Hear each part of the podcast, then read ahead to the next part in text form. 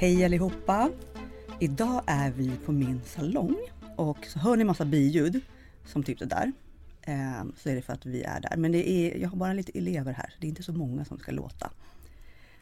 Men jag har en gäst och det ska bli jättespännande. Så idag kommer ni få prata med Maria som har kontot Online-kuratorn. Och hon är utbildad socionom och har jobbat som skolkurator i många år. Mm. Ehm, och jag tänker att vissa av er som har följt kontot ett tag har ju säkert eh, sett att vi brukar samarbeta ibland och vi skriver och vi delar mycket av varandras grejer. Och jag har ju alltid sett henne lite, för hon har följt med nästan hela resan. Känns som. Men du har varit online lika länge som vi. Nej, Eller? Sen 2019. Ja, ja, vi kom 2016 då. Ja, ja. Ja. Details my dear, details. Det är ändå ett tag.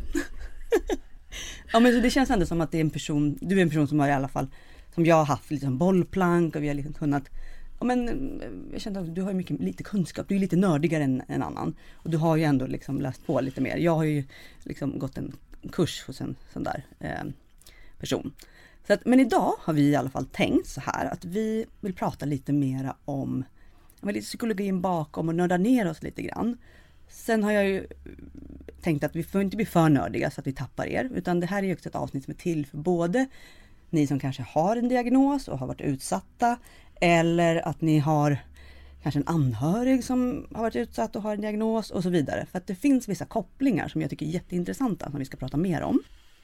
Eh, och Maria här kommer att förklara jättebra. Och jag ska vara som någon slags bollplank bara. Ehm, så att avsnittet, ska, vad ska vi säga att det handlar om? Ska vi, vad hade vi för rubrik?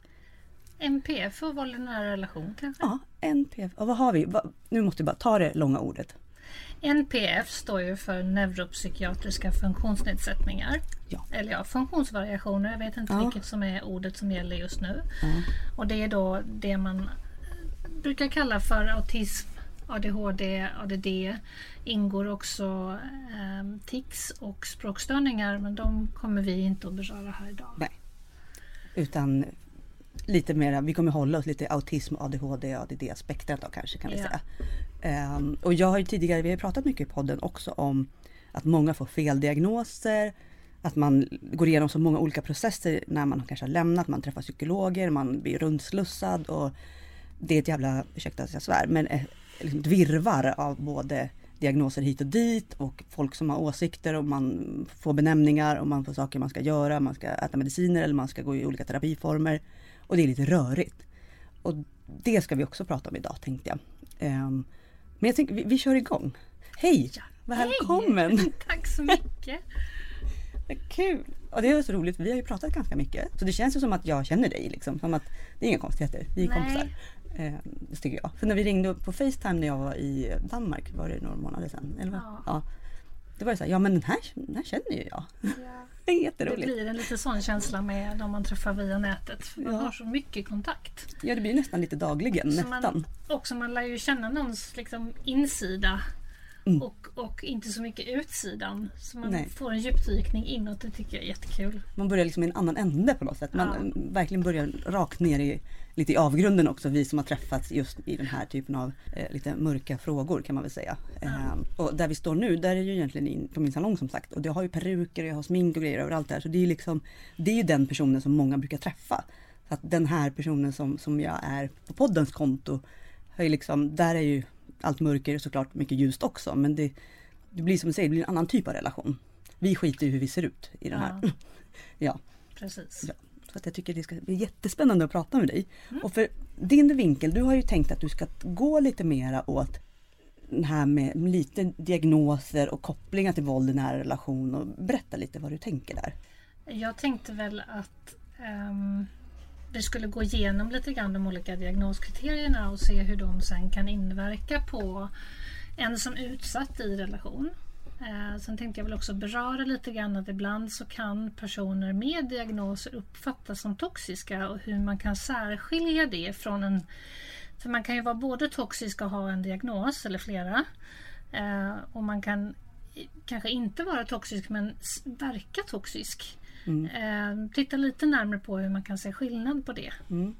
Ja, för det märker man ju många eh, kommer med frågan, ja, men tänk om det är jag som är, jag gör ju också så här och jag, jag har gjort de här toxiska sakerna och jag har ju det här och hit och dit. Att man, man ser sig själv lite som medskyldig i saker för att man tycker att men jag har ju också det här.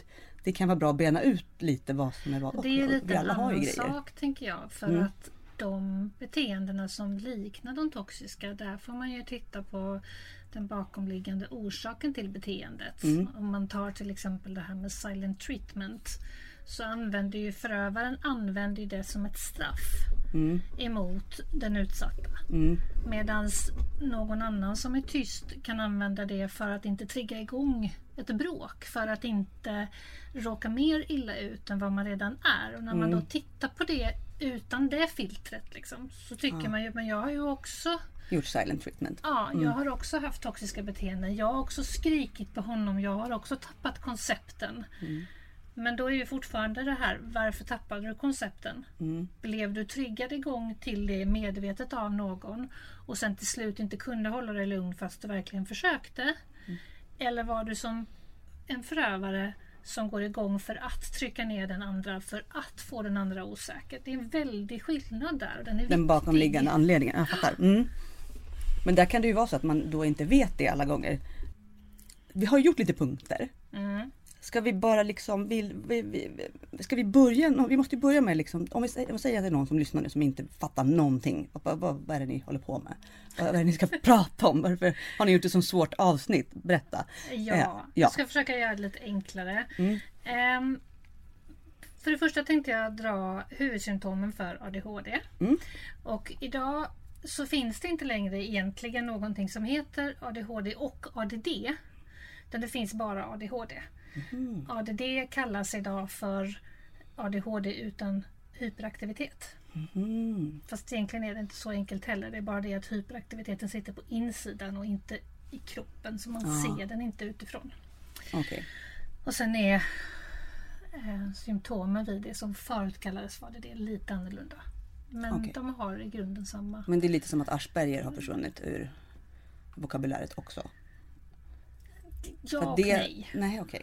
För Det var någon som sa att det har försvunnit och nu är det bara det autismspektrat. Ja, det har försvunnit. Det kallas det är inte riktigt så enkelt som att säga att det kallas autism 1 som är motsvarande Asperger. Men många brukar säga det så. Det är för förenklare lite då får jag Okej. säga. Okej. Mm. Ja. Eh, Men huvudsymptomen för ADHD är hyperaktivitet då, antingen den vi ser i kroppen eller att man har tankar som rusar, 10 000 tankar samtidigt, att man har svårt att fokusera på saker, framförallt saker som är tråkiga. Mm. För det är inte så att det är svårt att fokusera på allt. Nej. Du kan hyperfokusera på saker du tycker är jätteintressant hur länge som helst. Att du glömmer att äta, du glömmer att gå på toaletten, du glömmer att sova. Tiden bara försvinner. Då är du jättefokuserad. Mm. Men problem med att reglera sitt fokus är en av huvudsymptomen. Att symptomen för ADHD är hyperaktivitet, inre eller yttre. Ja. Och det är det här med svårighet att reglera fokus. Mm. Antingen har vi superfokus eller så kan vi inte fokusera alls. Mm. Nej. Ja. Eh, Mm. Och också har vi impulsivitet. Det vill säga att vi har väldigt svårt att kunna räkna ut, hur ska jag säga, kunna lyssna på förnuft när vi verkligen vill något. Mm. Då blir vi väldigt känslostyrda. Mm. Skulle man kunna säga. Ehm, och impulsiviteten kan ju vara en sån sak som ställer till det väldigt mycket när man träffar en toxisk person. Mm. Därför att man är så snabb. Man blir väldigt hyperfokuserad också på den här personen. Så de toxiska har ju som specialitet att de väver fast den väldigt fort.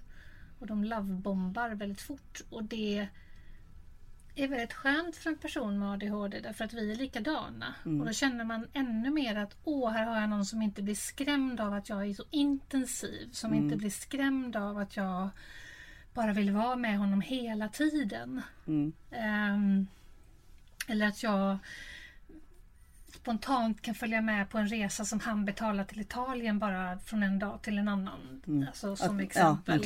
Det de förändringarna. skrämmer inte och det känns inte som att för normtypiska personer då som inte har ADHD eller autism. ehm, de kan ofta känna sig lite kvävda av en lovebombing. Mm. Alltså att de känner att det blir för mycket. Mm. Medan vi snarare känner att åh, äntligen någon som funkar som jag. Gud vad skönt. Mm. Så. Ehm, I ADHD så finns ju också det här med att vi är födda med en dopaminbrist i våra hjärnor. Det är det som gör att vi har lättare för att fastna i beroenden. Och det, den bristen gör att vi också ännu snabbare fastnar i nyförälskelsen. Därför att där flödar dopaminet. Mm. Så vi blir liksom ännu mer hooked på det. Och det kan gå väldigt fort så man blir nästan beroende av sin partner direkt eller vad jag ska säga. Okej. Och den blir också då en en del i spelet när det kommer till traumabindning. Som Mm. också handlar om dopamin och tillgången och bristen på dopamin. Att vi är mer sårbara för dopaminbrist. Mm. Eh, och då också för traumabondingen som ju flödar dopamin eller drar tillbaka och kommer mycket stresshormoner. Många med ADHD har ju missbruksproblem. Liksom. Och Ja, det är ju man självmedicinerar ju liksom. Ja. Mm. samma funktion på det. Mm. Mm, det är jätteintressant. För det, man känner igen sig jättemycket i det. Sen kan man ju också när man har svårigheter att fokusera och har svårigheter med arbetsminnet. Då kan det också göra att man har svårt att minnas ifrån en situation till en annan. Vad som hände förra gången. Mhm. Man har svårt att bilda mönster av beteenden. Mm. Vilket gör att man också går längre i det innan man ser sambandet och förstår vad som händer. För Det där man, är jätteintressant. Man bara känner liksom i situationen att det känns fel men man, först, man har svårt att koppla ihop en situation med en annan och sen få ett mönster så att ett och ett blir två. Istället så får vi bara en etta och en etta. Men det blir inte till någonting för vi ser inte plusset däremellan. Liksom. Det måste jag bara flika in. För det, det var något som slog mig och jag minns att det hade gått säkert typ fyra, fem år eh, med relationen med Eh, min vad ska man säga, exman i boken. Nej men att det hade gått liksom fyra, fem år innan jag kopplade ihop att när han blir hungrig så ökar hans eh, tonfall. Han, han snappar mer mot mig. Alltså han gjorde vissa saker som jag... Sen när jag började se dem så fattade jag att okej men nu är han hungrig, nu måste jag ge honom mat. Och hela tiden såg till att, han alltid fann, att det alltid fanns mat hemma. Så att jag liksom, jag kunde inte koppla ihop de där att det är därför han är arg nu. Liksom. Sen gav jag honom såklart en ursäkt, han var ju arg mest jämt. Men jag märkte att han blev mycket, mycket, mycket, mycket värre när han inte hade ätit. Eh, så det gjorde ju att hans toxiska beteende gick ner lite grann och han blev lite lugnare bara han var mätt. Eh, sjukt nog. Men just att jag insåg att varför har det här tagit mig så lång tid att se sambandet? Att det liksom har tagit mig flera, flera, flera, flera år. En sån enkel sak att jag inte har sett det. Men det är väl för att jag blivit så stressad då i varje situation. Så att jag inte kopplar, jag, jag, det är som du säger, jag, jag, det där känner jag jättegärna. Man kan inte koppla ihop ett och ett och få det bli två där. Och att det är de här sakerna i den här kedjan av grejer. Utan man plockar ut liksom och sen har man glömt. Man glömde bort varför bråkade vi i förrgår. Jo men det kanske var exakt vid samma tidpunkt. Ungefär vid samma grejer. För att jag gjorde så här och han gjorde så där och sen blev det så här. Utan att lägga skulden på sig själv. Men att man liksom, och då, då, för att hitta det här, hur ska jag kunna gå på tå på bästa sätt? Det är det man behöver lära sig. Men det tog så många år att, att fatta för mig på något sätt. Så att, ja, ni fattar kanske vad jag menar. Jag fattar i Ja, alla fall. tack. Ja, bra. Ja. Jag tänker att, att, att någonting som också är väldigt signifikant vid både ADHD och autism och när det kommer till just våld i nära relationer eller relationer överhuvudtaget som är toxiska runt den.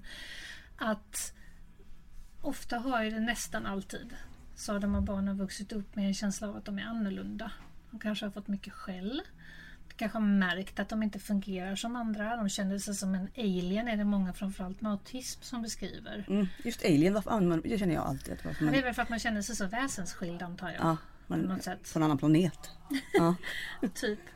Eh, och många har varit utsatta för mobbing. Mm. Eh, många känner sig som svarta fåret i sin familj till exempel. Eh, och det här ger ju en väldigt bra ingång för en toxisk person därför att du litar inte på din egen tillräcklighet. Mm. Du har lärt dig redan från början att allting är ditt fel. Mm. Det har ju hela din värld visat dig. Det är du som brister på något sätt. Så att när en förövare då går in och börjar påpeka det så kan det också ta ett tag innan man ens reagerar på att det här kanske är mer än vanligt eller mer än normalt för att Mm. man har blivit man Man kanske inte aktivt har blivit dåligt behandlad men man har känt att man är annorlunda och att man gör fel. Det blir Mm. fel. Barn är ofta ganska självkritiska utan att vi bidrar egentligen så mycket. Det finns ju många andra bidragande faktorer till ens självkänsla än- föräldrarna, Mm. tänker jag. Mm. Ehm, så att, så att det är ju en av de största sårbarheterna egentligen mellan NPF och, och eh, toxiska relationer. Mm. Ja, för jag tycker det, det känns som att det är en väldigt viktig del att ta med sig just det som du pratar om att man går in lite mer i att okej men vad, vad kan vara kanske eh, ADHD eh, eller autism eller vad man nu har och hur kan jag liksom, hur kan en förövare använda det, ta, heter det, take advantage, vad fan heter det på svenska? Nu får jag, Dra nytta av. tack! Ah, tusan! Eller utnyttja heter det Ut, väl. precis, Mm. och att de hittar det som en väg in. Eh, och jag brukar ofta utgå från mig själv, men det är lättare för mig att spegla för då på något sätt kan jag få dig att bekräfta att jag fattade rätt. Mm. Men för just den här alien-grejen och att de kommer liksom utifrån med något nytt. De kommer också med någonting som man inte är van med. Att man också, att när- när, som min förövare då, han var ju väldigt, pratade mycket om att min familj inte förstod mig. Och att vi var väldigt olika. Eh, och att jag inte var som dem och hej och hå. Och jag kunde ibland känna att vi var ju inte riktigt på samma planet alla gånger. Jag hade ju mina grejer och hade ju vissa svårigheter i vissa liksom, sociala situationer när de tyckte det var vettigt att prata om vissa saker. Och jag tyckte bara det var så tråkigt att jag höll på att gå av och jag ville sitta och rita istället. Ehm, och att jag hade mina konstiga grejer med mat eller vad jag nu hade. Att jag alltid blev lite annorlunda. Och när han lyfte det så vart ju det bara ännu mer en sanning. Och då var det lite också som att det han sa generellt, mycket lät ju väldigt sant. Och det var som att han kunde läsa mig och läsa mitt liv. Och då per automatik så började jag tro på mer och mer av vad det han sa. Även det som var rena lögner också såklart. Men det var ju så mycket som var sant och så mycket som var nytt och som fick mig att känna så här. Jaha, wow, oj, ja, men så har jag inte tänkt. Ja, men det stämmer. Och, så att han kunde liksom använda det där så lätt. Jag tänker att en del i början av en, en toxisk relation som det är ju inte lovebombing men det känns ju så. De är ju väldigt, väldigt intresserade av dig. Mm. Av vad du tänker, av vad du tycker om, vad du inte tycker om, vad som gör dig ledsen. De vill finnas där för dig. Så det är mycket möjligt att du vid någon, någon situation tidigt i relation har uttryckt detta att de förstår inte mig. Mm. Jag menade ju bara så här. Mm. Så kan han plocka upp på det. Där finns en osäkerhet. Det här kan jag använda. Medan du bara har sagt det därför att det är helt naturligt Mm. i relationer med andra också. Mm. Att man blir missförstådd. Att man kan känna sig annorlunda. Men det kan man ju liksom ta sig igenom med kommunikation. Men i ett sånt skört läge då, du var ung också när du träffade honom. Mm. Och han... Det är liksom mycket... Han fick ju dig att känna dig väldigt som att han gick att lita på för han Mm. förstod dig så väl då ju. Ehm, och då blir det också att man ger över mer tillit till den personen och tar det en sån person som förstår mig, om jag verkligen känner förstår mig, det är jag ju mer benägen att lyssna på. Mm. För att den förstår ju verkligen mig. Då kan jag ju lita på att det den säger verkligen är i samklang med mig. Och så blir det en sårbarhet där också. Det är så många, många saker Mm. som... Det är liksom många spindeltrådar i det här nätet, inte bara en. Det är jätte, jätte, jätte, jätteintressant. Och just det här som du beskrev att ja, men, om den säger så här att ja, men, man vill åka på en resa och, och vi jorden runt med den här människan liksom. Även fast det var jag som betalade. det var ja, men det var ju inget konstigt. Men, men, men just att den här impulsiviteten. Men jag såg ju honom som 17 resor värre än mig. För han var ju otroligt impulsiv så jag fick bromsa. Men samtidigt så var det så att jag var ju lite bromsklossen i vår relation. Fast jag var ju absolut inte som min familj. För de var ju ännu mera bromsklossar. Så att det var på något sätt så, så kände jag mig som att jag var någonstans det normala i mitten. Det inte alls var så. Utan han var liksom längst där ute och bara rusade på men var jättespännande och jätte, liksom, hade så mycket grejer för sig. Och min familj var liksom de här bakåtsträvarna som stod längst där bak. Liksom, och personifierade min barndom och mycket av det här man har gått igenom. De var liksom det där gamla. Eh, och så var jag någonstans i mitten och sökande. Eh, så att det, Det blev liksom ganska- en film liksom. Det är ganska typiskt när man är ung och träffar Mm. någon. För då är man också mitt i sin separationsfas från sina föräldrar när man inte längre vill lyssna Mm. lika aktivt på just ens föräldrar utan hellre vill söka sig till någonting eget. Någonting som man själv har bestämt. Någonting Mm. som liksom markerar ens självständighet. Mm. En egen individ liksom. Ja, Mm. precis. Sen tänkte jag om vi skulle gå vidare med det här med hur eh, symptomen på, eller ja, kärnkriterierna för, för autism Mm. påverkar. Kör. För att eh, en av dem är att man har nedsatt förmåga till social kommunikation och socialt samspel.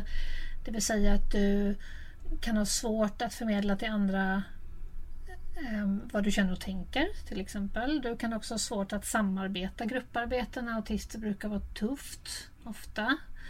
Eh, du kan ha en ganska flat mimik. Det stämmer absolut inte på alla. Nej.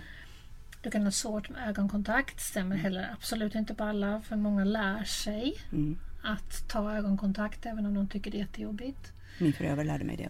Ja. Ja. Mm. Ehm, jag tänker också det här med att läsa av andra. Som också är ett kännesymptom i, hos, i autism. Ehm, det är väl det som ställer till det mest när det kommer till våld i nära relation. Mm. För att man kan inte avgöra. Du har ofta svårt att förstå vad som är ironi och inte. Du blir lätt osäker i sammanhang där det inte kommuniceras rakt eller där man förvägras kommunikation. Det ger en ofta väldigt, väldiga mängder ångest. Mm. Eh, och då gör den här ångesten att din förövare får mer att gå på att du är dålig. Varför mår du så här? Jag har inte gjort något, jag har inte sagt något. Gaslightingen får också ofta ett större grepp om dig om du har autism. Därför att du ifrågasätter ju redan, du har ju redan märkt sen innan att du ofta missförstår saker. Mm. Att du ofta ehm, hur ska vi säga? Jag tappade mig igen. Mm. Jag med. Men det är lugnt, vi plockar upp den. Ja. Ja, nej men just för det, det viktiga som, som framförallt nu när man när du har gått igenom de här kännetecknen eller vad kallar man det för? Liksom Mm. kriterier hit och dit. Så är det ju att många kan ju känna igen sig i vissa bitar. Och att alla säger, ja men man har ju oftast lite av allting och bla bla bla, hej och hå. Hur, alltså. Hur viktigt är det att man får en, en diagnos? Om man säger så. Hur viktigt är det om så här, ja men en, för att jag märkte, jag utgår från mig själv, som blir tråkigt, men jag utgår från mig själv. Men att, att de klumpade ihop mig, att det var PTSD, men att jag ligger i autismspektrat men också har vissa tecken på ADHD. Men ADHD och PTSD påminner lite om varann. Då, att man kan få lite liknande stresssymptom och allt det här. Mm. Eh, men jag har ju känt att jag har haft Det är det som är så svårt som jag berättade för dig lite innan vi satte igång med det här. Det var att i och med att jag hade barndomstrauma så har jag ju alltid känt mig så här rastlös. Men jag vet ju inte om jag föddes så. Men i och med att jag, Nej. så att då, det är ju så svårt att säga då om var det för att jag har posttraumatisk stress och att det alltid kryper i kroppen. Men jag har ju tyckt att det fysiskt kryper under huden om jag är stilla. Att jag, det går liksom. Nu när jag är på medicin så är det ju en helt annan femma. Det är en helt annan femma. Jag har inte alls, jag har mycket lättare att sitta still. Är det Eh, ADHD-medicin du äter? nej, det är det. Jag äter ju medicin för att dämpa eh, PTSD. Är det sertralin du äter? Jag äter eh, Prozac. Bara vad är det? Det är ehm, Det är ju som det är ju serotonin. Men det är, ja, det är men för Prozacen har ju, det. tar ju bort katastroftänkandet. Ja, Och sen äter jag ju Inderal som är eh, sänker pulsen. Så Ja. att jag får bort min stress. Ångest. För jag har ju jag har alltid haft väldigt mycket ångest. mm. Eh, lätt till social fobi, lätt till prestationsångest och, och um, katastrof. Men när det försvann, när katastroftankarna och liksom min hjärtfrekvens eller vad jag de har dragit ner det. Mm. ehm, så upplever jag ju inte samma kryp. Men jag, jag kan ju få fortfarande mina skov och gå in i saker enormt och bli Men jag har, jag har lite lättare att sitta still fysiskt. Så då blir man så här, vad, vad är vad? Och det, det ska ju inte du behöva svara Nej, på. Då, det kan det du inte. kan Men du jag inte förstår ju hur jag menar hur Jag rörigt förstår det hur blir. Du menar. Och jag tänker att just när Det är vi kommer till Nu börjar jag peta på bordet här Mm, igen. gör det en gång till bara. Men om vi sätter dig lite på sidan. Ja, jag inte. Ämnet. Ja. då var vi. ja men vi var, nej, men just att det kan vara lite rörigt. Med alla dessa diagnoser hit och dit och hur man får Ja. veta och vad hjälper det? Och men det är väl också kanske utifrån medicinen förstår jag att man behöver ha kanske en diagnos så att man hittar rätt medicin. Men utifrån det som de jag har ju mig själv som spegel men jag tycker det är lättare då för då, så här, då har de sagt ja men du har posttraumatisk stress, bra, pang, punkt. Så, då får du medicin för det. Och så blir jag lite bättre. Men jag har ju också de här andra sakerna. Men de behöver inte medicineras för då. Alltså förstår du? Alltså, Ja, det som, det som man säger är ju då om du ska få en diagnos för någonting mm, eh, i alla fall en NPF-diagnos Mm. så ska du dels uppfylla ett visst antal av diagnoskriterierna mm, och du ska ha påtagliga problem i ditt liv för att också kunna få eh, diagnos. Så att du kan ha uppfylla kriterierna men du har skapat ett liv som fungerar ändå. mm, Då får du ingen diagnos. nej. I alla fall inte på papper. Men du kan ju också... Det börjar bli mer och mer inne med något som heter självdiagnostisering och det kan man ju ha... Det kan man ju ha massor av åsikter kring. Men jag tänker att om man nu väljer att göra det, om man väljer att självdiagnostisera sig, så kan man ju också välja att anpassa livet utifrån att man har då, säger vi, en ADHD. Och då kan man ju läsa på. Det finns jättemycket tips och tricks och konton att följa och massor att läsa Jag såg det var någon app också man kunde lägga upp Ja. att man ska få ordning på sitt liv. Ja. Ja, det finns det också. Det finns Mm. mycket sånt som kommer. Då kan man ju testa dem och se vad det gör för skillnad. Liksom. Mm.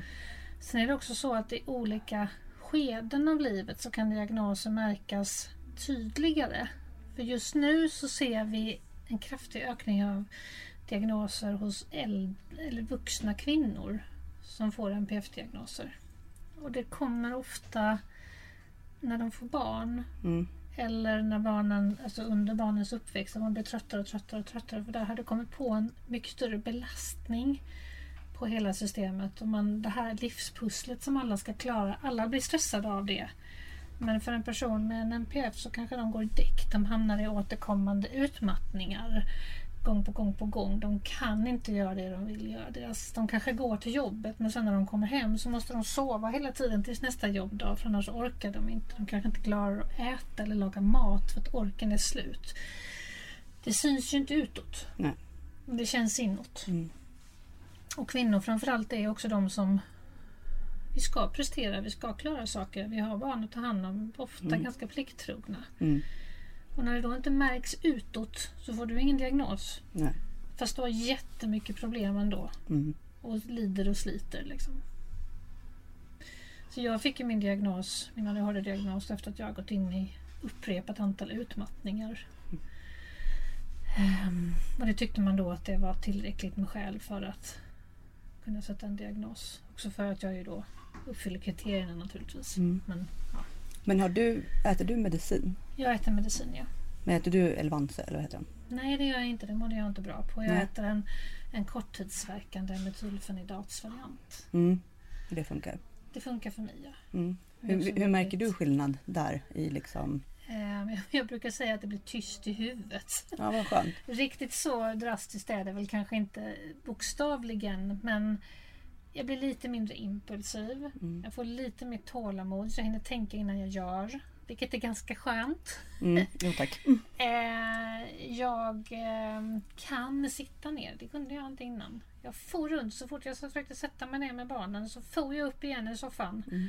Och bara, jag måste städa, jag måste fixa det, jag måste ringa det, jag måste göra det. Mm. Nu kan jag liksom sitta ner med mitt barn som är jätteberoende av att jag är lugn och att jag finns nära. Och, och så. Det, här- det kunde jag inte innan. Jag har haft dåligt samvete för det för mina större barns liv i alla år nästan. För att jag, jag, jag bara susar omkring. Jag missar dem liksom. Mm. Jag finns ju där naturligtvis. Men Ja men livet passerar och man, jag gör och mm, gör och gör och Mm. gör och gör och gör. Och man är gör. hela tiden där framme, inte liksom i stunden. Liksom. Ja, jag Mm. vet att jag, jag sa till deras pappa någon gång att du måste hjälpa mig att sätta mig ner. Du måste liksom ta tag i mig när jag far runt och så sätter du mig i soffan. Mm. Ja, sa han, du jag försökte några gånger men du studsar bara upp igen. Mm. Håll fast mig då! Ja. Man kan ju inte sitta och hålla fast dig soffan. ja men det, ja, det var, Ja. Precis så är det ju. Just för att den där inre, det är som att man har en studsboll där inne som bara hoppar hela tiden. Man måste liksom aktivera Ja. den. Den får inte vara stilla. Mm. Men sen upplever ju jag det då istället som att jag får igångsättningssvårigheter nästan för jag blev så trött. Det är också Mm. väldigt vanligt när du får in en centralstimulerande medicin som ju ADHD-mediciner är. Så är ju, på vanliga människor så blir de ju pigga. Ja. Det är som att ta, ja det är inte alls samma som koffein men det är uppiggande egentligen. Det är ju amfetaminpreparat, de som är vakna i alla evigheter och inte äter. Liksom. Mm. Eh, men en påse gör det ju att, vi, att det saktar ner sig. Mm. Det lugnar sig liksom i huvudet och Mm. kroppen. Eh, så jag blev jätte, jättetrött och tänkte att det måste vara något fel. Men då förklarade min läkare för mig att du har ju hamnat i utmattningar för att du bara springer och springer och springer och springer och springer och inte känner in att kroppen behöver vila. Mm. Och när du då får medicin så känner kroppen att du behöver vila ju. Då känner den av det, då blir du jättetrött och upplever det som att du får ingenting gjort. Mm. Fast du egentligen får jättemycket gjort ändå. Ja men lite så känner jag också. Jag håller med. Ja, just Gud, det. jag håller med. Mm. Ja. Usch, ja. Och så får jag typ panik för att jag inte tycker att det händer något när jag har suttit här jättelänge. Bara, men hur länge har du suttit här? Men det vet jag inte. Det är säkert flera dagar. Men jag har ju inte det. Alltså, men känslan är att nu, nu har det inte hänt någonting. Ingenting. Och allting bara ja, passerar och går förbi mig och jag bara sitter där och tittar på ett tåg som bara... eh, Ja. Ja. Men det är inte alltid att det är så. Nej. Nej.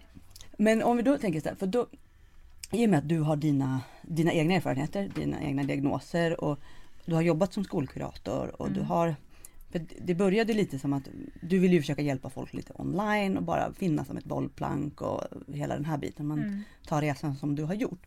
Ja, det nu- började egentligen med att jag ville dela sånt som jag själv hade blivit hjälpt i. Ja. För jag började startade ju kontot eh, ungefär ett år efter jag lämnade min sista toxiska relation. Jag har varit i två. Mm.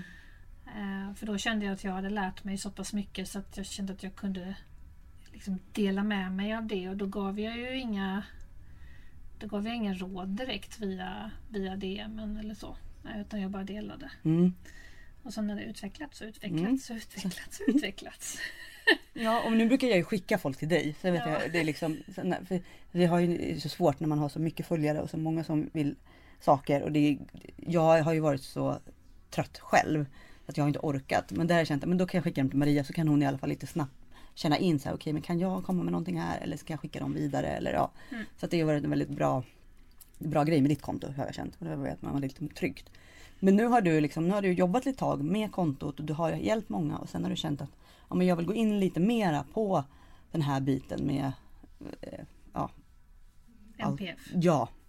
Jag bara, jag, jag, för mig, det heter den här ehm, Vi står två stycken virrpannor här som försöker komma ihåg början på meningen när Ja. vi kommer till slut på meningen. och jag vill säga NFP varje gång för det är väl sån här bitcoin-aktiga saker. Jaha. Så då vill jag säga det varje gång vi ska säga MPF. så vill jag säga NFP eller vad är jag vill säga. Och så brukar jag, så måste jag då på något sätt, NPF, så måste jag då på något sätt också säga, jag älskar att du skrev på det här pappret nu. Du skrev NPF här. Ja. Upp och ner på mitt papper som Maria Jättebra. kan se det. För att det känns som att varje gång jag vill säga så blir jag så här, nej, NFP. Och och så, vad är det det står för? Då måste jag också säga i huvudet vad det står för för att sen kunna, ja, Ja. det tar skitlång tid med att säga det här ordet. Men i alla fall, då vill du gå in mer på det och um, liksom just kopplingarna till hur sårbarheten som kan finnas och hur de här toxiska personerna kan använda det och för att du har känt att det inte varit så mycket där ute om just det här. Nej, det Nej. finns inte så mycket om det. Plus att jag då ju blev intresserad av det när, för jag fick själv min diagnos bara för några år sedan. Och det var efter min relation. Mm. Ehm, och ehm, jag, jag har också läst Jag läser en kurs nu på universitetet som heter Mäns våld mot kvinnor eh, på distans. Ehm, och den, ehm, där pratar man ju också om det här att man ser att det är ehm, kvinnor med funktionsnedsättningar av olika slag Mm. är extra utsatta för våld i nära relation på olika sätt. Mm. Ehm, och att jag har läst varierande siffror. Jag vet att jag gjorde ett inlägg där jag skrev att 8 av 10 eh, personer med NPF har varit utsatta för psykiskt våld. Eh, och jag läste det någonstans och sen Mm. så ville några av mina följare ha källan och den kunde jag inte leta upp. Jag blev mäkta irriterad på mig själv att jag inte hade sparat den. Men ja, det går lite fort ibland. Mm. Men sen efter det så har jag i alla fall definitivt läst det flera omgångar och även då i min kurslitteratur om Mm. att det är en förhöjd risk att råka ut för våld i nära relation om du har någon funktionsnedsättning och att högfungerande kvinnor med autism eller, eller um, ADHD och även intellektuella funktionsnedsättningar löper extra stora risker. Därför att vi läser inte av situationen rätt. Mm. Vi kan uppfattas som, framförallt kvinnor med autism, kan uppfattas som naiva Mm. eh, och blåögda.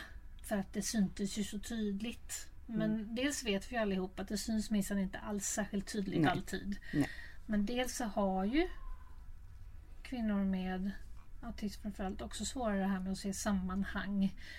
Tolka ansiktsuttryck, tolka röstläge. Tolka varför någon säger någonting. Och att det behövs någon utifrån som ser tydligt vad som pågår. Och det är ju också jättesvårt. Därför att de gör det ju oftast inte framför andra. Nej, såklart. Nej. Nej, och det, om, jag bara får, säga, ehm, om jag bara får flika in, säger jag hela tiden, men det är min podd. ja, nu tänker jag flika in. och bara så här. Varför jag orkar inte med mig själv. Och bara, eh, nej, men det jag tänkte var att för det, det som jag kan känna när man pratar med någon, eller om någon är arg på mig till exempel. Så är det ju så mycket som händer i den personen. Det är så mycket som man måste ta in i den situationen. Om det är det som gör att det blir svårt att läsa, inte att man inte kan urskilja vad som sker utan att det blir som att när man hamnar i olika situationer med människor så är det så många parametrar man måste stoppa in Ja. i diskussionen. Både med sig själv Precis. och omgivningen och personen, vad de säger, hur, hur de ser ut. Vad de, alltså, att det blir liksom som att man står i en vindtunnel och någon bara skriker samtidigt och man fattar liksom Alltså, Men du, har, du är helt rätt på det. Därför Mm. att eh, vi processerar, eller människor med autism processerar och även ADHD faktiskt processerar intryck lite annorlunda Mm. än vad människor utan NPF gör. Och vi kan ofta behöva lite längre tid på oss för att förstå en situation i sin Mm. helhet. Ehm, vilket också då gör att det blir svårare att få överblick. Det känns som att man alltid, det tar lite längre tid innan man får ihop. Ja, men precis. Mm. Ja, men Och är du då utsatt på daglig basis så har du dessutom en stress i det. Och du har det händer nya saker att processera hela tiden så du hinner liksom aldrig ikapp dig själv. Och det känner ju även kvinnor som inte har en NPF av. Att man blir så stressad. Det kommer Mm. nya saker hela tiden. Man hinner inte parera. Nej. Om du då har problem med det redan med människor som inte är toxiska i samspelet. Då kan man ju bara föreställa sig hur svårt det blir Mm. en toxisk person. Att kunna se klart i den situationen. Mm. Plus då det som vi pratade om innan. Att man vet redan att man är annorlunda. Man vet redan Mm. att det som händer brukar vara ens fel. För det har man fått lära sig Mm. på olika sätt. Så det är så lätt att ta på sig skulden. Mm. Det är jätteintressant. Men hur många tror du är egentligen, måste säga, vad har vi på mörkertal på det? På, på odiagnostiserade NPF-are? Jag tror att bland kvinnorna framförallt är det ju jättestort. Man trodde ju väldigt länge att autism inte ens fanns hos kvinnor. Jaha. Nej. Man trodde att det bara var pojkar som fick det. Och att alla var Alla som Rain Man som är en, ja, en lite alla- äldre referens för oss Alla som är lite äldre. Ja. diagnoskriterier för både ADHD Mm. och autism är ju utformade utifrån vita pojkar. Mm. Det är också så att människor, färgade människor Mm. eh, och kvinnor Mm. Stämmer deras yttringar på diagnoserna ser lite annorlunda ut också för att många färgade lever i utsatta områden så man förklarar saker och ting med helt andra förklaringsmodeller. Mm. Plus att när det finns trauma med i bilden så vill man gärna lägga det på en PTSD istället. Mm. Eh, av olika anledningar. Ehm, Mm. Men om du får spekulera PTSD-diagnoserna då? Hur mycket, alltså det kanske är svårt, jättesvår fråga, men alltså just som jag då som fick alla tre. Är det liksom att hur ska jag formulera min fråga nu? Jo men att, är det att man klumpar ihop allting för att det är svårt att särskilja de olika? Eller är det att man slänger in PTSD också? Man skulle kunna plockat ut det i ekvationen egentligen och bara behållit dem där. Eller vad är, jag hade ju mardrömmar så det är väl det. Men annars så har jag ju alltid varit sådär hela mitt liv. Men det är ju också svårt när man då har haft ett trauma hela sitt liv. alltså jag vet inte, förstår du vad jag menar? Mm. Det var väldigt rörigt formulerat men Vi pratade om detta lite innan. Det, så det Mm. jag tror du är ute efter är lite grann hur man ser skillnad på Ja. liksom, för att symptomen är så lika mm, för både PTSD och till viss del ADHD och autism. Eh, och sen har vi hela den här diskussionen som pågår om överdiagnostiseringen. mm, Eh, jag tycker väl inte att det är en överdiagnostisering samtidigt som jag kan se att det behövs diagnoser när skolan skalas ner så mycket och så vidare. och så vidare. Samtidigt så är det då många kvinnor framförallt som har gått odiagnostiserade därför att symptomen hos kvinnor yttrar sig annorlunda. Så. Men ehm, det man får titta på, det behövs ju en erfaren psykolog och psykiater som gör utredningen. Ehm, och det behövs ehm, att man har tid på sig, vilket vården kanske inte alltid har. Mm. Därför att du behöver gå in bakom symptomen och prata om hur, alltså vilket syfte symptomet fyller för dig. mm, För att precis som vi pratade om innan, om du, om du har autism och kommer in i ett, ett, ett rum fullt med människor och ljud så blir du ofta överväldigad och kan tycka att den situationen är jobbig. Mm. Och du blir väldigt, väldigt trött efteråt. Ehm, och detsamma kan du uppleva när du kommer in i ett rum med människor när du har PTSD. mm, Därför att du kan inte överblicka situationen. Ehm, och du vet inte om det gömmer sig någon läskig person Nej, eller farlig person mm. för dig någonstans. Du kan inte urskilja om någon skriker någonting eller om den är vänlig eller ja, men alltså så. Det blir så mycket. Mm. Eh, och då får man ju titta på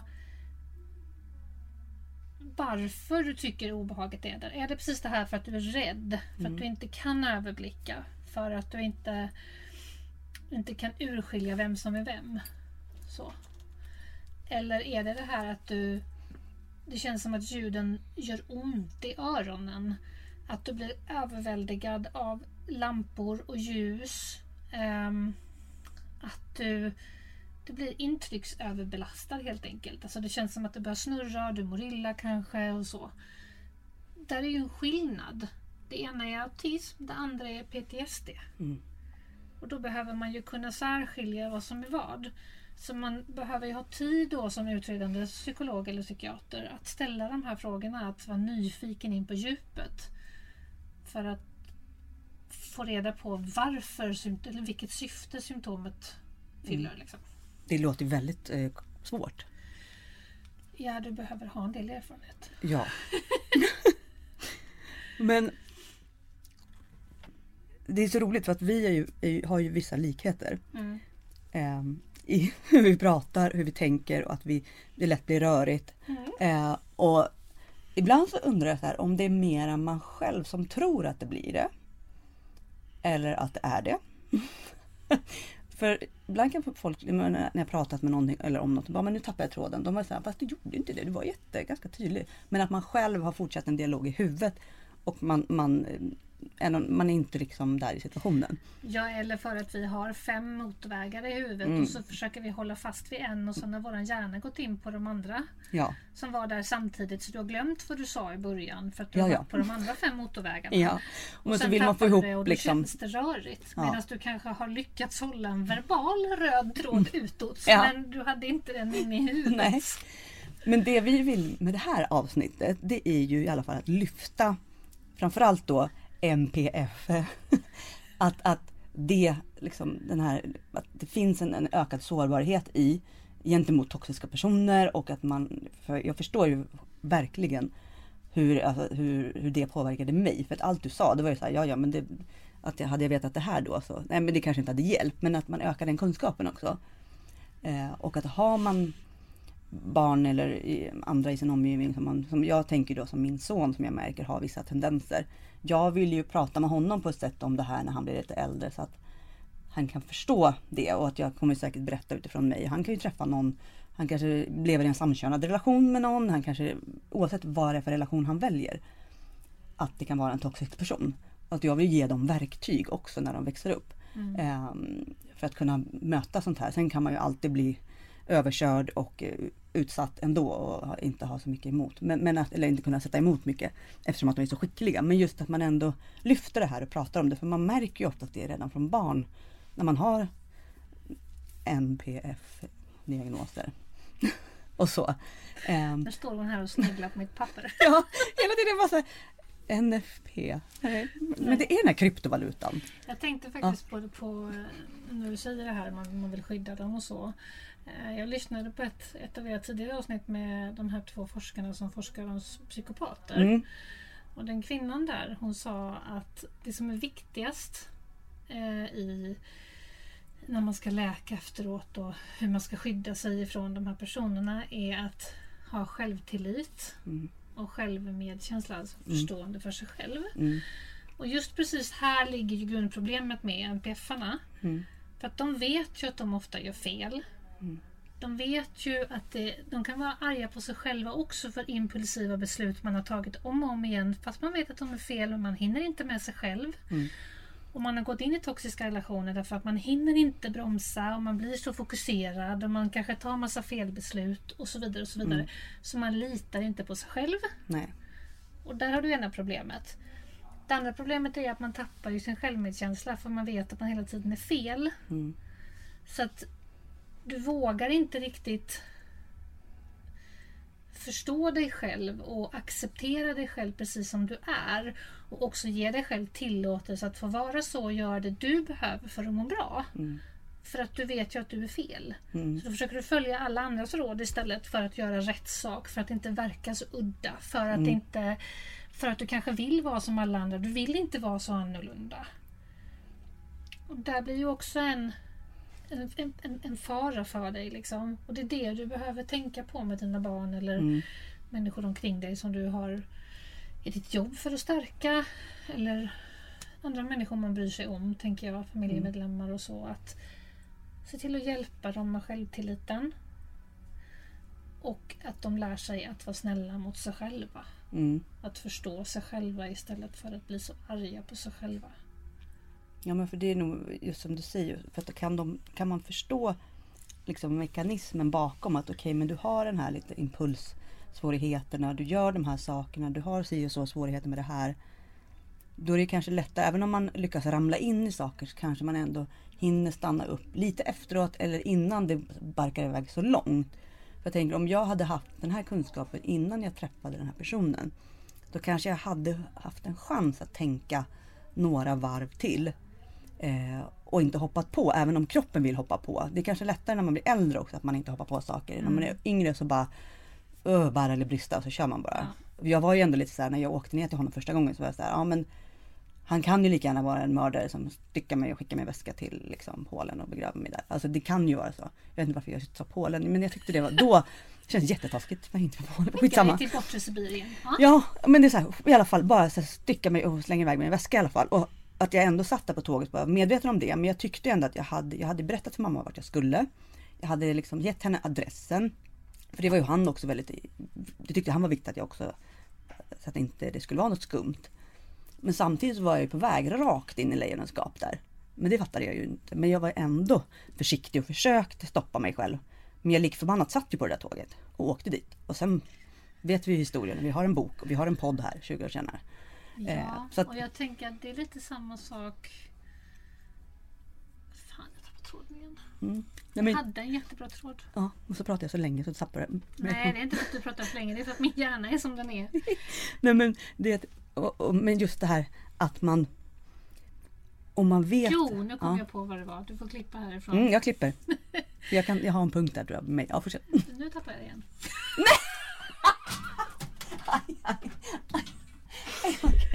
Ja men gode värld. Vänta Det är lite. jätteroligt. Nu så. När man har ADHD så blir ju den här hyperfixeringen så stark när du väl har blivit kär i någon. Jag är inte för att man måste göra saker och ting på ett visst sätt. Men för att skydda sig själv så kan man försöka att och det här är ju jättesvårt också med impulsiviteten och allting. Men jag i alla fall utifrån mig själv blir hjälpt av tanken på att skynda långsamt. Mm. Att först vara vän med någon väldigt länge så att jag lär känna personens fördelar och nackdelar. Eh, och försöker undvika att bli kär. Alltså, det är ju svårt beroende på hur man träffar personen. Träffar du personen på jobbet till exempel så är det lite lättare ju. Mm. Men träffar någon över nätet så kanske säger pang och så är du jättekär och det är också farligare. Det är också där det finns mer förövare. Mm. Men ursäkta, Mm. att ta den tiden på sig och inte gå in så hårt känslomässigt i det är ju också ett sätt att skydda sig på. När man har problem med impulsivitet. För jag vet att när jag väl trillar dit och blir kär, då kan jag inte tänka längre. Nej, Då ser Då jag inte jag lost. de röda Mm. flaggorna. Då är jag bara så inne i att det här ska bli så fantastiskt och han är så fantastisk. Jag ser inga... Eller jag ser förbi eventuella varningsflaggor. Mm. Så därför måste jag ha tid innan. Om jag nu skulle ha en relation och göra så. Nu vet inte jag om jag någonsin vill ha en. Men i alla Nej. fall. Om du har autism eller om du känner, in, känner igen dig själv i många av symptom, eller ja, yttringarna för autism. Eh, symptomen på autism så tänker jag att det också är viktigt att ta tid på sig men av en annan anledning. Därför att du behöver få tid att processera. Mm. Du behöver få tid att hinna känna efter ordentligt. Om en person är väldigt intensiv emot dig så har du rätt att säga nej. Jag vill inte, jag behöver tid själv. Om personen ligger på då och vill ändå, liksom kör över dig och din vilja och dina behov, då är han ändå ingen person för dig. Han kanske inte är toxisk, men han är ingen person för dig. Nej, man respekterar inte dina gränser. Nej, du Nej. får lov att vara som du är med de Mm. behoven du har för att kunna göra ett välavvägt beslut. Mm. Man behöver inte kompromissa med sig själv hela tiden. Mm. Det tror jag det var en jätte, jätteviktig punkt, definitivt. Just att man, för då, att man skapar också på så sätt ett litet andrum. Och det är det de här personerna, de vill ju inte ha det. De vill ju in fort, man ska flytta ihop och man ska göra allt. Det här ska gå så jävla fort så att man ska hinna tänka. Och då är man ju körd. Så att, Ja. att man på något sätt kan Ja, det är som sagt det är svårt att, att när, man, när man vill och man blir kär hej och hå, men att man försöker ge sig själv tid för det finns tid. Det är liksom en liten del. Om man säger att men vi har inte flyttat ihop på flera månader. Och så här, nej men det finns ett helt liv förhoppningsvis som man har på sig. Så att man behöver inte ha så bråttom. Nej. Jag tyckte ju folk var bara ja, men, vuxna som bara, men, livet kommer sen. Och man bara, nej men du fattar ingenting. Men det, det, Men har du väl blivit kär så är du där. Då går det inte att Nej, precis. längre. Men att det man gäller försöker att liksom hålla innan. sig ifrån det. mm, Att vara väldigt kritisk och Mm. väldigt ifrån. Du kommer anses vara asjobbig Mm. och han kommer ha alla möjliga olika åsikter om dig om du är Mm. ifrågasättande och vill ta tid på dig och säger nej Mm. och vill bromsa och så. Men då får han göra det, då får han gå vidare till någon annan. Och då är du ser man ju också vem han är. Off. Ja, det gör Mm. man också. mm, Det jättebra. är tips. verkligen så här, förståelse för sig själv. Du får lov att vara som du är. Du behöver inte göra om dig. Så länge du inte skadar någon annan. Mm. Alltså medvetet gör andra personer illa. Mm. Så gör det på det sättet som det funkar för dig. Mm. Man är liksom värd det. Ja, för annars kan det ju innebära att du hamnar i en, en tio år lång relation med en psykopat och så måste du komma ur det och skriva en bok och starta en podd. Alltså det, nej men man- det kan, nej men just Eller att ett konto. man, eller- ja, men, eller ett konto. Man, man, man vet ju inte var man hamnar i det. Men just att man, det är så svårt att se det där då när man sitter på den där bussen eller man är på väg till den där dejten eller man är på väg hem till den här personen och bara, ja men nu, nu kommer det, nu, nu ska vi in i den här relationen och bara, oh, allting är så bra. Och sen är, har det gått liksom 10-15 år, man är söndersmulad och mår hemskt och allt är liksom, Och tro att allt är ens Ja. eget fel. Att jag är svag och Precis. jag är dålig. Och att jag, jag, har kan gjort mig förtjänt av det här. och- ja, Mm. Mm, Det nej, men är det, inte så. Mm. Men om vi säger så här nu då, för att få ihop lite trådar. Det du vill göra med ditt, med ditt intresse för det här. Vad, vad, vad, du har saknat att det finns någon som tar upp själva kopplingarna. Mm. Vad känner du mer behövs? Jag tänker för det känns ju inte som att det är tillräckligt mycket kunskap i våra jävla vårdsystem. Nu sa jag jävla, men det gör man. Och sådär. Att Det, det, är ju, alltså, det känns som att det är en massa tomtar överallt som hittar på så mycket grejer och har egna teorier hit och dit. Och alla får ju olika hjälp. Det är ing, alltså, nej, om jag frågar följarna, liksom, har du blivit feldiagnostiserad? Då är det 17 000 som bara ja. Och, och några har fått någon, någon kanske fått bra hjälp men de flesta har ju bara varit katastrof. Och de flesta, eller inte, för ska jag inte säga, nu ska jag inte säga de flesta, men många har blivit, har ju sagt, ja men jag fick diagnos borderline och nu är det APS. Ja. Eller vad det heter. EIPS. EIPS. Också jävla jobbigt. Emotionellt instabilt Personlighetssyndrom. personlighetssyndrom. tror jag det är. Ja. Mm. Mm. APS. Ska jag skriva upp det också? Alltså jag orkar inte. Ja men ni som fattar, ni fattar. I alla fall. Nej men och att det hela tiden är så jäkla ojämnt i vad man får för information, att man får rätt information, att man kan liksom, just det här som du säger, om du ska lära känna dig själv, din självmedkänsla och allt det där. Men när det är en massa jävla tomtar utifrån då som ska försöka hjälpa en och så kommer de med en massa nytt som också är felaktigt. Mm. Och folk som jag vet, eh, liksom följare som pratar om att de har fått medicinering mot grejer som inte ens, de hade inte ens det. Sen har de liksom gått olika behandlingar, de har fått traumaterapi. Och så är det hos någon annan då såklart, inte den första utan då, och det är bara Oh, jag blir så trött. För det är så många som blir förstörda. Det är så många år som gått i spillo helt i onödan. Ja. Och folk vill ju bara ha hjälp. Jag, jag, um, jag vet inte ännu riktigt vilken riktning jag kommer att ta på det här. Jag är dessutom, dessutom mellan jobb nu på grund mm. av långvarig vab. Jag skulle behöva hitta något att göra hemifrån. Någon som lyssnar som har ett jobb till mig, mm. hojta gärna till. Ja, gud. Som jag kan göra hemifrån. Ja, vi har även jobbsökningar här. På. Ja, just det. Så, Ni kan skicka till kontakt.psykopatpodden.se så vidarebefordrar jag det till Maria. Något. Ja, nej, ja. Vi, ska inte, vi ska inte jobbsöka här idag. eh, men det jag tänker är väl Först och främst så tänker jag att informationen behöver ut till kvinnojourer och tjejjourer. Mm. Därför att det är ju som sagt var ändå en ganska stor andel av kvinnor med NPF som blir våldsutsatta. Mm. Och de kommer ju allihopa, alla mm. kvinnojourer kommer att få hantera de här kvinnorna. Mm. Och då kan det ju vara rätt så bra om man vet att de personerna behöver extra stöd och mm. hur man kan göra det på ett bra sätt. Det är naturligtvis alltid individuella anpassningar som behövs. För mm. att, har du träffat en person med autism, har du träffat en person med autism, du har inte träffat autister så som alla autister fungerar. Nej. Nej. Men jag tänker det finns ju vissa kärngrejer som man i alla fall kan ha förståelse för kring hur mycket impulsiviteten påverkar, hur traumabandet och dopaminbristen som vi har medfött påverkar. Um, hur mycket självkänslan är skadad redan sedan barndomen. Ja, det finns mycket. Och där tänker jag att det kan vara vettigt att, att uh, utbilda sig på kvinnojouren och det hjälper jag naturligtvis gärna till med.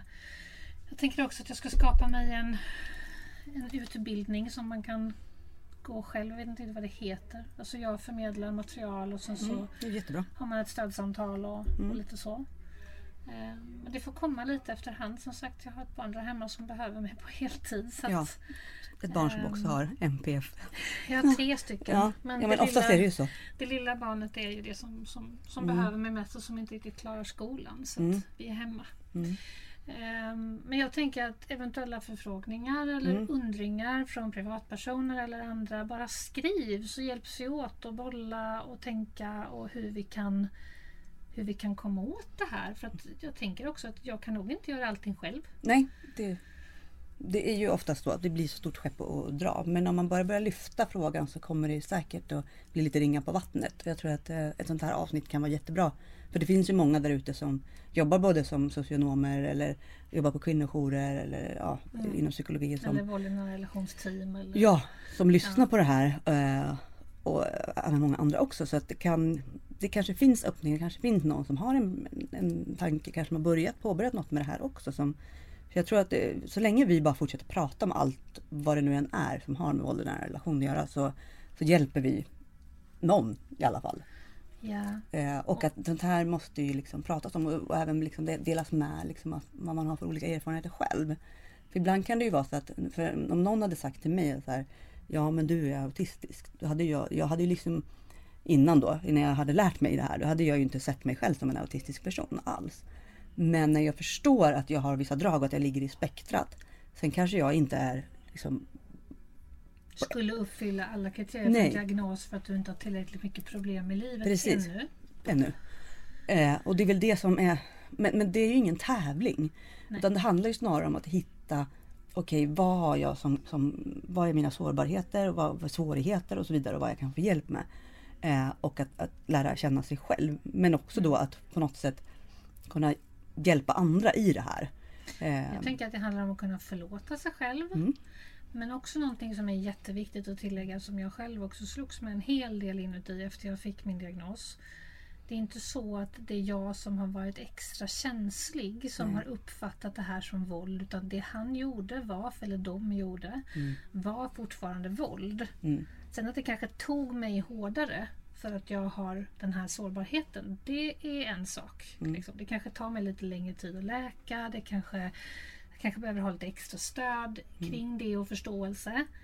Men det förminskar inte överhuvudtaget det de gjorde mot mig. Nej. Så det är viktigt att man inte tar på sig skuld om det nu skulle vara så att Mm. man har en diagnos eller man känner igen sig i diagnoskriterierna. Mm. Och där kan jag tycka det är viktigt också när det gäller psykisk misshandel. Att vissa som hör av sig eh, till podden och sådär. Det är ju mycket att ja, men, det har aldrig varit något som nästan har känts aggressivt. Det har inte varit skrik, gap, ingen som har slagit. Men det har varit väldigt mycket kontrollerande grejer, väldigt mycket silent treatment. Allt det här som psykar och framförallt att göra saker som den här personen absolut inte vill och klarar av. Och en person då som har den här typen av eh, vad ska säga, funktionsvariation, att man behöver vissa saker kanske i en viss ordning, att man mår bra av att ha saker på ett visst sätt. Eller att vi inte kan ha vissa typer av kläder eller inte klarar vissa typer av Jo, konsistenser. Och mat och sånt där som jag hade jätteproblem med. Då blir ju det ett, ett enormt övergrepp i sig också. Ja. Eh, och där kände ju, för mig var det ju, eftersom att han var på mig så mycket med min mat och jag har ju det, är min, det är min största grej, att jag har med texturer och har vissa ingredienser, jag har mycket sånt. Och det måste vara på ett visst sätt, man gör och skär på vissa sätt och ja, man ska inte laga mat till mig bara. Eller så ska jag inte veta hur man gör, skitsamma. Men det blev ju då att när han tvingade in mig i att göra det på hans sätt så vart jag ju enormt stressad av det. Och satt ju ofta och mådde illa när jag skulle äta och det är liksom det värsta jag vet är att må illa när jag ska äta. För att det är som att någon håller på att kväva mig. Um, så att då blir ju det, det som övergrepp blir ju kanske värre än någon som kanske inte hade haft en relation till mat. Och dessutom blir det ju jättesvårt att förklara. Ja, För du hade ingen diagnos. Nej. Du hade ingenting som kunde verifiera att du kände som du gjorde. nej. Och man vet ju att de allra flesta ska äta det som serveras. Så Mm. det var inget konstigt Nej. med det. Det var inte så att han försökte servera dig kattbajs. Liksom. Nej, nej det gjorde han inte. Nej. Det var Hade bara, han gjort det hade alla förstått. Mm. Men just när det blir sådana saker Mm. och man kan också själv vara så svårt att förklara det. Det är, ofta, det är också ofta någonting som jag tänker på när jag pratar med kvinnor generellt. Och som jag tar upp med dem också efter ett tag när jag ser det. Att i början när de förklarar saker och ting som har hänt så förklarar de enstaka händelser. Mm. För det gör man ju. Man känner inte varandra. Man har inte hunnit gå igenom så många händelser och vad som har hänt och så. Och då kan jag tänka att Ja, det, det, det där i sig är kanske inte någon fara. Liksom. Mm. Men man, man kan överreagera och så. Men då behöver ju jag som, som liksom kurator gå in och ställa följdfrågor. Mm. Hur ofta händer det här? Är det här någonting som är extra känsligt för dig? Mm. Ehm, hade han fler liknande saker han gjorde? Och sen efter tid som man lär känna varandra och man får reda på fler och fler saker så ser man ju misshandeln i det. Man ser det jättetydligt. Men som isolerad enskild händelse är det väldigt svårt utifrån att se. Mm. Det är därför man också behöver, när man ska få hjälp utifrån, från myndigheter och andra, så behöver man samla på sig ett helt batteri med situationer och händelser och förklara det runt omkring. För att man liksom ska förstå. Det tar ofta lite tid. Mm. Det är jättebra. Jätte... Det är ofta precis som du säger, för man kommer inte ihåg saker. Man rör ihop, man blandar ihop. Allting är bara en- soppa. Mm. Och man känner mest att det är massa känslor bara som är... Om man har fragment och man vet att ja, men det där har hänt. Men ja. Plus att Och man hur man mår. undrar om det kanske var ens eget fel eller om man bara överdriver. Ja, för man kommer inte ihåg exakt hur det låg Nej. till. Och, man, och överreagerade jag för att jag har den här känsligheten. Ja. Hade jag gjort liksom si och så om jag inte hade haft det och hej och hå. Och det är också, Ehm. sånt, också någonting med, med ADHD där och vårt dåliga arbetsminne. Mm. Att om någon kommer i efterhand och hävdar att men det var inte som du minns det. Mm. Då är det väldigt lätt att ifrågasätta sig själv och tro den andra. För att jag vet ju att jag ibland minns saker fel. Ja. Eller och inte alls. sen om man då tänker att man då har det här dåliga arbetsminnet och när man då under tid av psykisk nedbrytning får sämre minne. Ja för det får du ju också. Ja. Och du blir också tröttare. Precis. Vilket också ut, utökar problemen med arbetsminnet. Ja, att då har vi ju en jävla soppa. Ursäkta att jag svär så mycket, men Ja. det är en soppa. Eh, för det var ju liksom när jag pratade med Monica Emanuel om det här med minnet och för att jag kände att jag var enormt glömsk i början. För det var verkligen, men det, hon sa ju det, det, det blir ju på riktigt trädet får mindre grenar ungefär. Det, det krymper mindre löv eller och så vidare. Men man, att hjärnan påverkas, så har man då Därför redan det du går där. in så mycket i din överlevnadshjärna. Mm. Det är ju vår ursprungsdel i hjärnan. Den delen av vår hjärna som sitter här fram, frontalloben. Mm. Det är ju den som alla de här mänskliga funktionerna sitter, det som inte djuren har. Mm. Det sitter ju här framme, det är den mest nybildade delen av hjärnan. Du får inte ens tillgång till den när Nej. reptilhjärnan går in och styr i fight flight. Mm. Så då är det klart att då avstannar aktiviteten till slut i övriga delar av hjärnan. För att du är här hela tiden. Mm. Man är ju inte dum och man blir inte dum men hjärnan har använts liksom fel då för man har inget val. Nej. Så man kan ju inte utvecklas heller. Nej, den kopplar ner och kopplar bort och fixar till. Jag tänker om vi ska knyta ihop det här avsnittet och skicka med någonting till de som har lyssnat på det. Vad känner du att, vad ska vi skicka med? Jag gör en handviftning till dig. Så. Mm. Jag ska skicka med att olikhet berikar. Mm. Det är inget dåligt att vara annorlunda. Alla behövs. Mm. Så stå i dig själv. Du får lov att vara du. Kompromissa inte för mycket med det. Och lita på dig själv. Mm. Och de som, Magkänslan är tricky när man har ADHD att hitta. Mm. Men jag tänker ändå att mår du inte bra så mår du inte bra. mm. Då behöver du ge dig själv tid att backa och tänka. Men om du skulle rekommendera någon att söka hjälp utifrån dina erfarenheter, vad skulle du rekommendera dem att gå? För det känns som att det är så ojämnt i vart man kan få hjälp. Är det, var det världens svåraste fråga kanske? Nej, det var det ju inte egentligen. Men det var, fanns inget bra svar. Ehm, alltså, det som är så hemskt att säga är att psykiatrin i Sverige är tyvärr eftersatt kunskapsmässigt. Mm. Vi hänger inte med i utvecklingen kring neuropsykiatri, Nej. kring de nya diagnoskriterierna som hur det yttrar sig för män eller färgade män, eller kvin- kvinnor eller färgade människor. Mm. Ehm, och de är väldigt rigida i att, att autism bara kan se ut på ett sätt. Mm. Liksom. Och även ADHD. Och att bekymren kanske inte alltid syns utåt i arbetslivet. Nej. Eller i att man inte har kunnat gå i skola utan man kanske har klarat sig på en hög intelligens eller man dör ihop när man kommer hem. Eller, ja, Mm. så. Mm. Ehm, jag Ja. tappade jag tråden igen. Ja, så att vi har ingen hjälp att rekommendera. Så var det ja. Nej, det. men de privata klinikerna är väl ofta lite bättre, dock inte alla. Så jag kan tyvärr inte rekommendera någon. Nej, Ehm, de är också dyra vilket gör att det det blir en gör klassfråga. det väldigt otillgängligt. Ja precis, det, det är fruktansvärt orättvist. Mm. Ehm, men det finns ju bra psykiatrer där ute. Det finns bra läkare. Det gäller bara att... att jag skulle vilja skapa någon sån här liten du vet så burk med, Ja, med de bra. man kan gå in liksom med, så, så, ja, Om någon kommer och frågar så har du den? Det här igen, den här har jag hört är bra. Mm. Prova den. Ja, Eller liksom så här, man kan bli en sambandscentral för bra läkare och bra psykologer. För de finns ju. De Ja, finns där ute. De finns såklart. till och med i primärvården. De gör ju det. mm. Men överlag det blir jag ledsen. ja, men vi brukar ibland ha lite trådar när vi ber folk att rekommendera. Men vi skulle kanske ha någon sån typ av plattform.